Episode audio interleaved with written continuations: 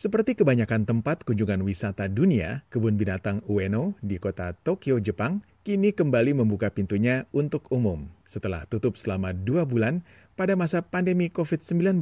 Simak selengkapnya dalam liputan berikut ini.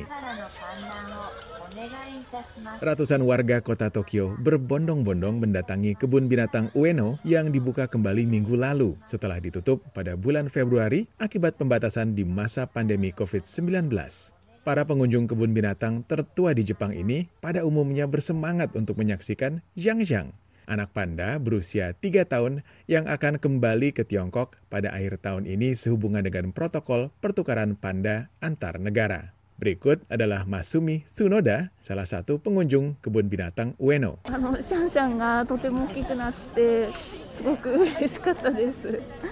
Saya sangat senang bisa melihat Xiang Xiang tumbuh menjadi lebih besar. Masumi Tsunoda yang sebelum pandemi ini rajin mengunjungi kebun binatang Ueno setiap minggu dan membuat sendiri masker bergambar panda dalam rangka kembali berkunjung itu mengatakan anak panda tersebut telah tumbuh menjadi jauh lebih besar sejak awal terjadinya pandemi.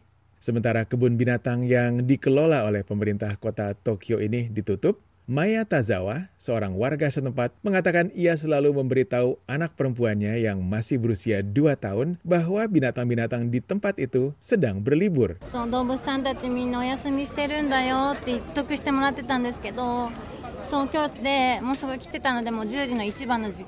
Saya mengatakan kepada anak saya bahwa binatang-binatang tersebut sedang pergi berlibur, tapi akhirnya kita bisa datang hari ini. Saking bersemangatnya, saya sampai memesan slot untuk jam 10 pagi. Sudah lama sekali kami tidak melihat panda tersebut. Bahkan anak saya pun mau berdesak-desakan untuk melihatnya lebih dekat. Pengunjung kebun binatang Ueno tersebut dibatasi 4.000 orang per hari dan tiket harus dipesan lebih awal. Kebun binatang ini telah ditutup sejak tanggal 29 Februari para pengelola kebun binatang tersebut mengatakan bahwa masa penutupan selama pandemi COVID-19 ini merupakan yang terlama dalam sejarah kebun binatang ini sejak pertama kali dibuka pada tahun 1882.